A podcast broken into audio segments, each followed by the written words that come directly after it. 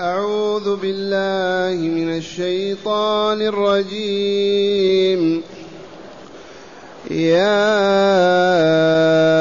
أيها النبي إنا أحللنا لك أزواجك اللاتي إنا أحللنا لك أزواجك اللاتي آتيت أجورهن وما ملكت وما ملكت يمينك مما أفاء الله عليك وبنات عمك وبنات عمك وبنات عماتك وبنات خالك وبنات خالاتك اللاتي وبنات خالاتك اللاتي هاجرن معك وامرأة مؤمنة إن وهبت نفسها للنبي وامرأة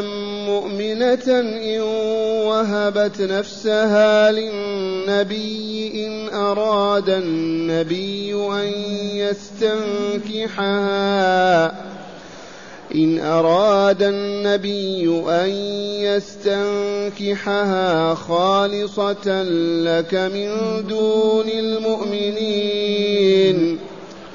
قد علمنا ما فرضنا عليهم في أزواجهم وما ملكت أيمانهم وما ملكت أيمانهم لكي لا يكون عليك حرج وكان الله غفورا رحيما أحسنت.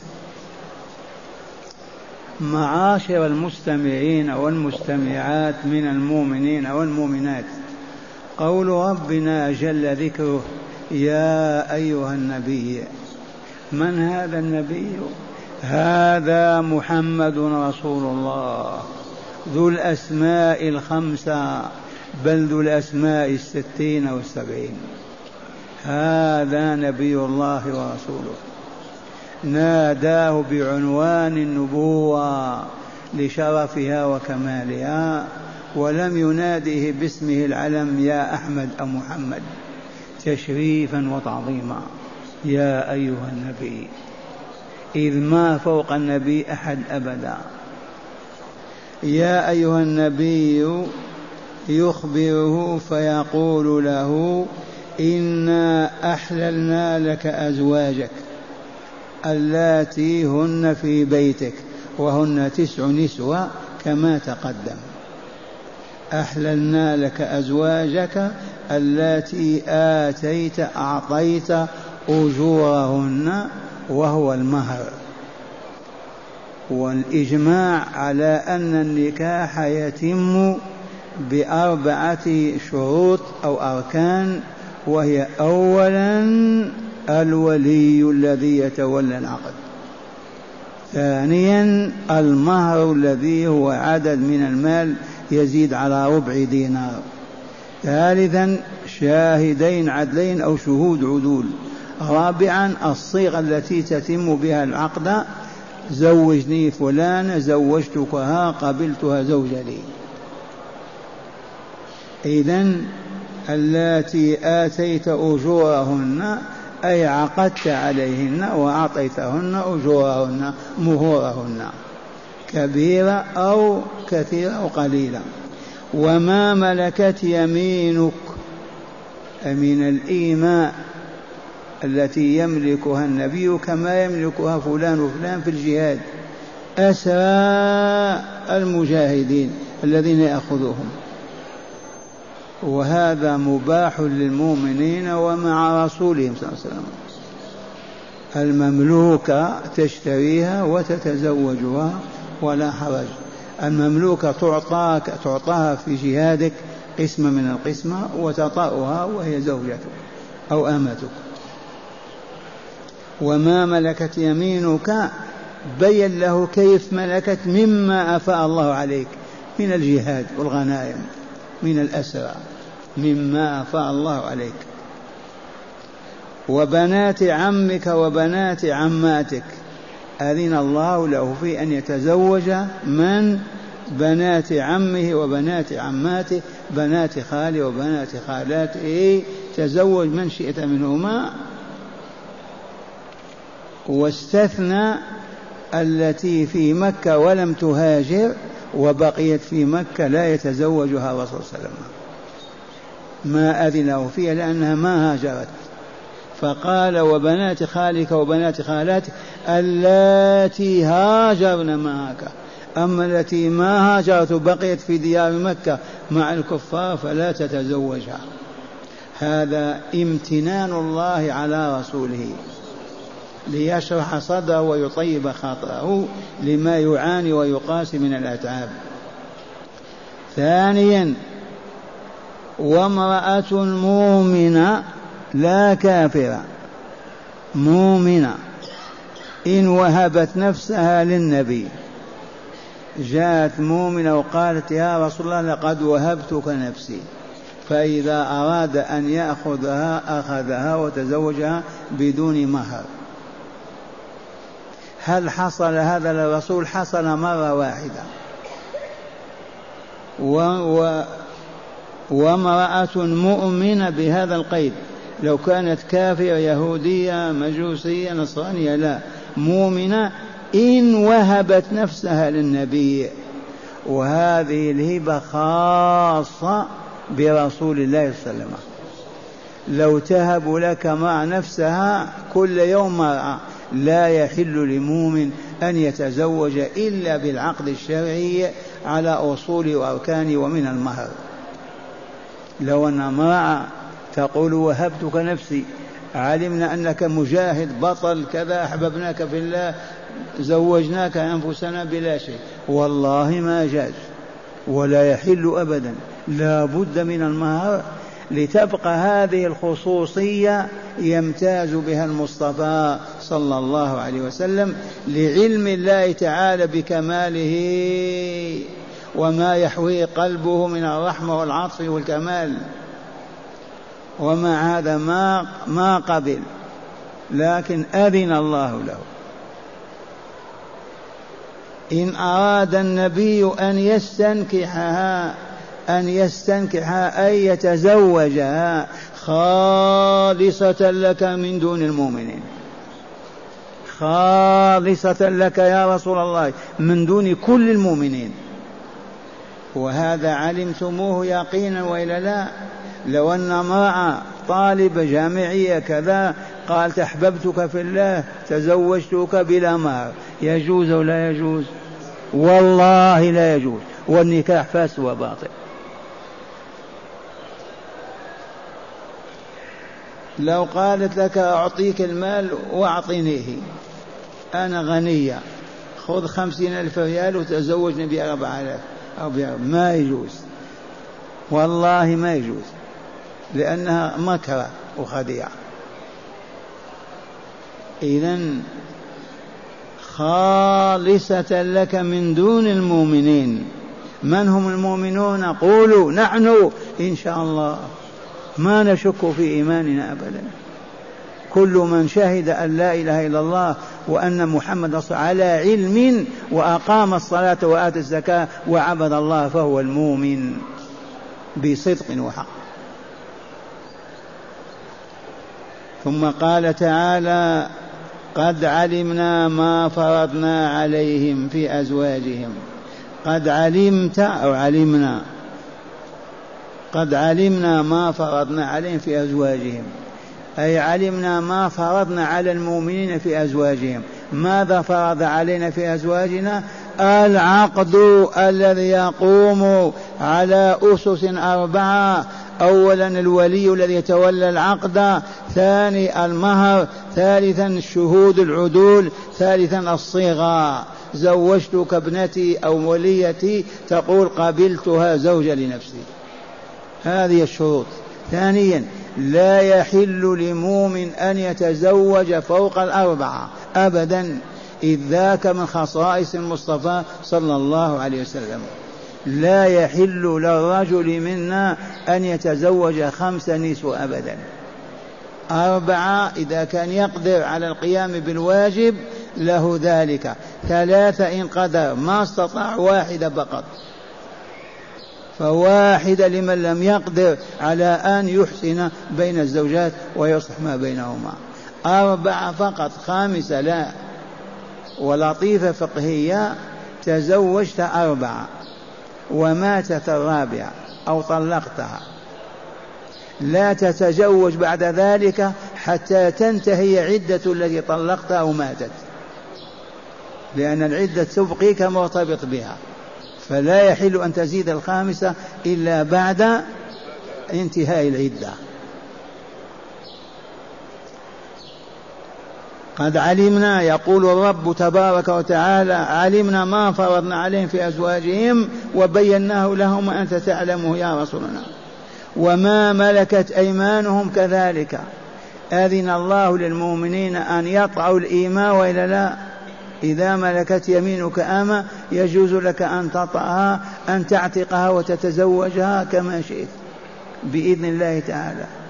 الإيماء هل يوجد الآن إيماء؟ الجواب لا يوجد إيمان الآن. لماذا؟ من متى انقطع الجهاد؟ من كم سنة؟ مئة سنة. مئتين. أربعمائة سنة أو ثلاثمائة سنة. من أين يأتي الإيمان؟ الإيمان عندما نغزو بلد الكفر ونرسي سفننا ونراسل الملوك والسلاطين بينهم ونقول جئناكم لنعرض عليكم دين الله الإسلام لتدخلوا فيه فتكملوا وتسعدوا في دنياكم وأخراكم وينتهى ما بينكم من الظلم والخبث والشر والفساد وتصبحون أمة صالحة. فإن قالوا تفضلوا قبلنا الإسلام بارك الله فيكم وشهدوا أن لا إله إلا الله وعلمناهم. وإن قالوا لا ديننا أولى من دينكم لا نفرط في ديننا إذا اسمحوا لنا أن ندخل دياركم لنعلمكم وانضموا تحت رايتنا ونحن نحفظكم ونحميكم وننصركم. وأنتم تحت رايتنا. فإن قالوا نعم دخلنا وسادهم العدل وحكمناهم بشرع الله وانتهى الظلم والخبث والشر والفساد ويأخذون يدخلون في الإسلام. أمة أمة وعائلة عائلة حتى يكتملوا. كما حصل في العالم. فإن رفضوا قالوا لا إذا لا بد من القتال. نقاتل رجالهم.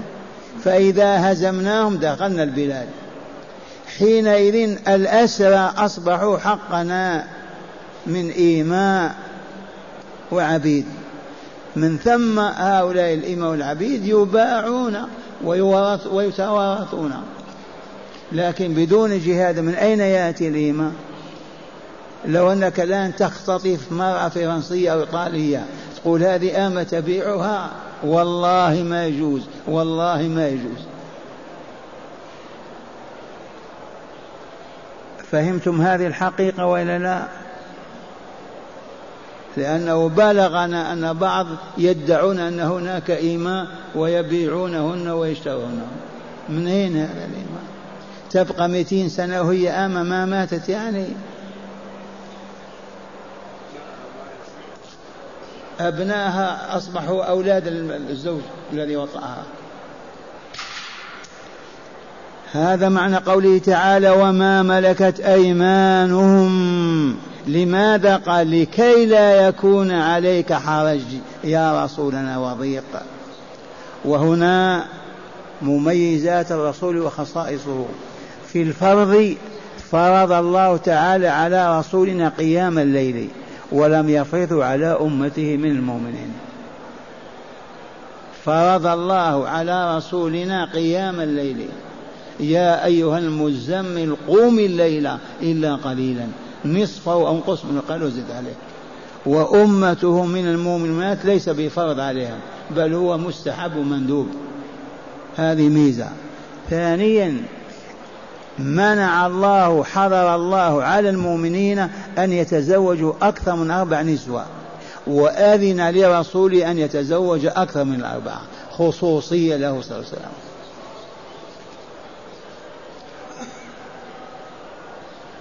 وهناك أمور أخرى اختصت بها رسول الله ميزة له. وللأمة كذلك ما خصها الله به. نعم. كذلك حرمة الصدقة. الرسول حرم الله عليه أن يأكل الصدقة. أبدا. هو وآل بيته. ولا تحل لهم. والمؤمنون تحل لهم. هكذا يقول تعالى لكي لا يكون عليك حرج أي ضيق ومشقة وكان الله غفورا لك وللمؤمنين ذنوبهم. رحيما بك وبهم فاحمدوه واشكروه واعبدوه وأطيعوه. نعم. قال هل للإيمان عدد معين؟ معين ما في عدد. إذا أنت تقدر على أن تطع أمتك خذ واحد أو اثنين بما عندك. ما في عدد. العدد في الزواج الشرعي في المحصنات المؤمنات. نسمع هداية الآيات. بسم الله والحمد لله. من هداية هذه الآية الكريمة أولا بيان إكرام الله تعالى لنبيه. بيان إكرام الله تعالى لنبيه صلى الله عليه وسلم. وهو أهل للإكرام. نعم. قال بيان إكرام الله تعالى لنبيه في التخفيف عليه رحمة به فأباح له أكثر من أربع وقصر المؤمنين على أربع. أباح له الواهبة نفسها أن يتزوجها بغير مهر ولا ولي ولم يبح ذلك للمؤمنين فلا بد من مهر وولي وشهود. نعم. هذه الكمالات المحمدية الكرامات التي أكرمه الله بها. ثم ما ننسى أن غير رسول الله والله ما يستطيع أن يعدل بين خمس نسوة ولا يقدر على ذلك. أما رسول الله لا يقوى ويقدر على أن يعدل على مئة ما هو تسعة وعشرة. نعم. ثانيا تقرير أحكام النكاح للمؤمنين وأنه لم يطرأ عليها نسخ بتخفيف ولا بتشديد. أحكام النكاح ثابتة ما نسخت ولا تبدلت ولا تغيرت من يوم نزول القرآن إلى اليوم وهي أن النكاح لا يتم إلا بعقد شرعي أركان العقد ولي الزوجة أبوها أخوها عمها. القاضي إذا لا ولي لها. ثانيا المهر يسمى أو لا يسمى فهو كنهر المثل مهر المثل. ثالثا الشهود والرابع الصيغة التي زوجني زوجتك. لا بد من هذا الكلام هذه الأركان خالدة إلى يوم القيامة. نعم. ثالثا وأخيرا بيان سعة رحمة الله ومغفرته لعباده المؤمنين. بيان سعة مغفرة الله للمؤمنين ورحمته بهم. أما قال وكان الله غفورا رحيما غفورا لماذا؟ للذنوب يسترها ولا يطالب بها. رحيما بمن؟ بالمؤمنين وعلى رأسهم رسوله صلى الله عليه وسلم.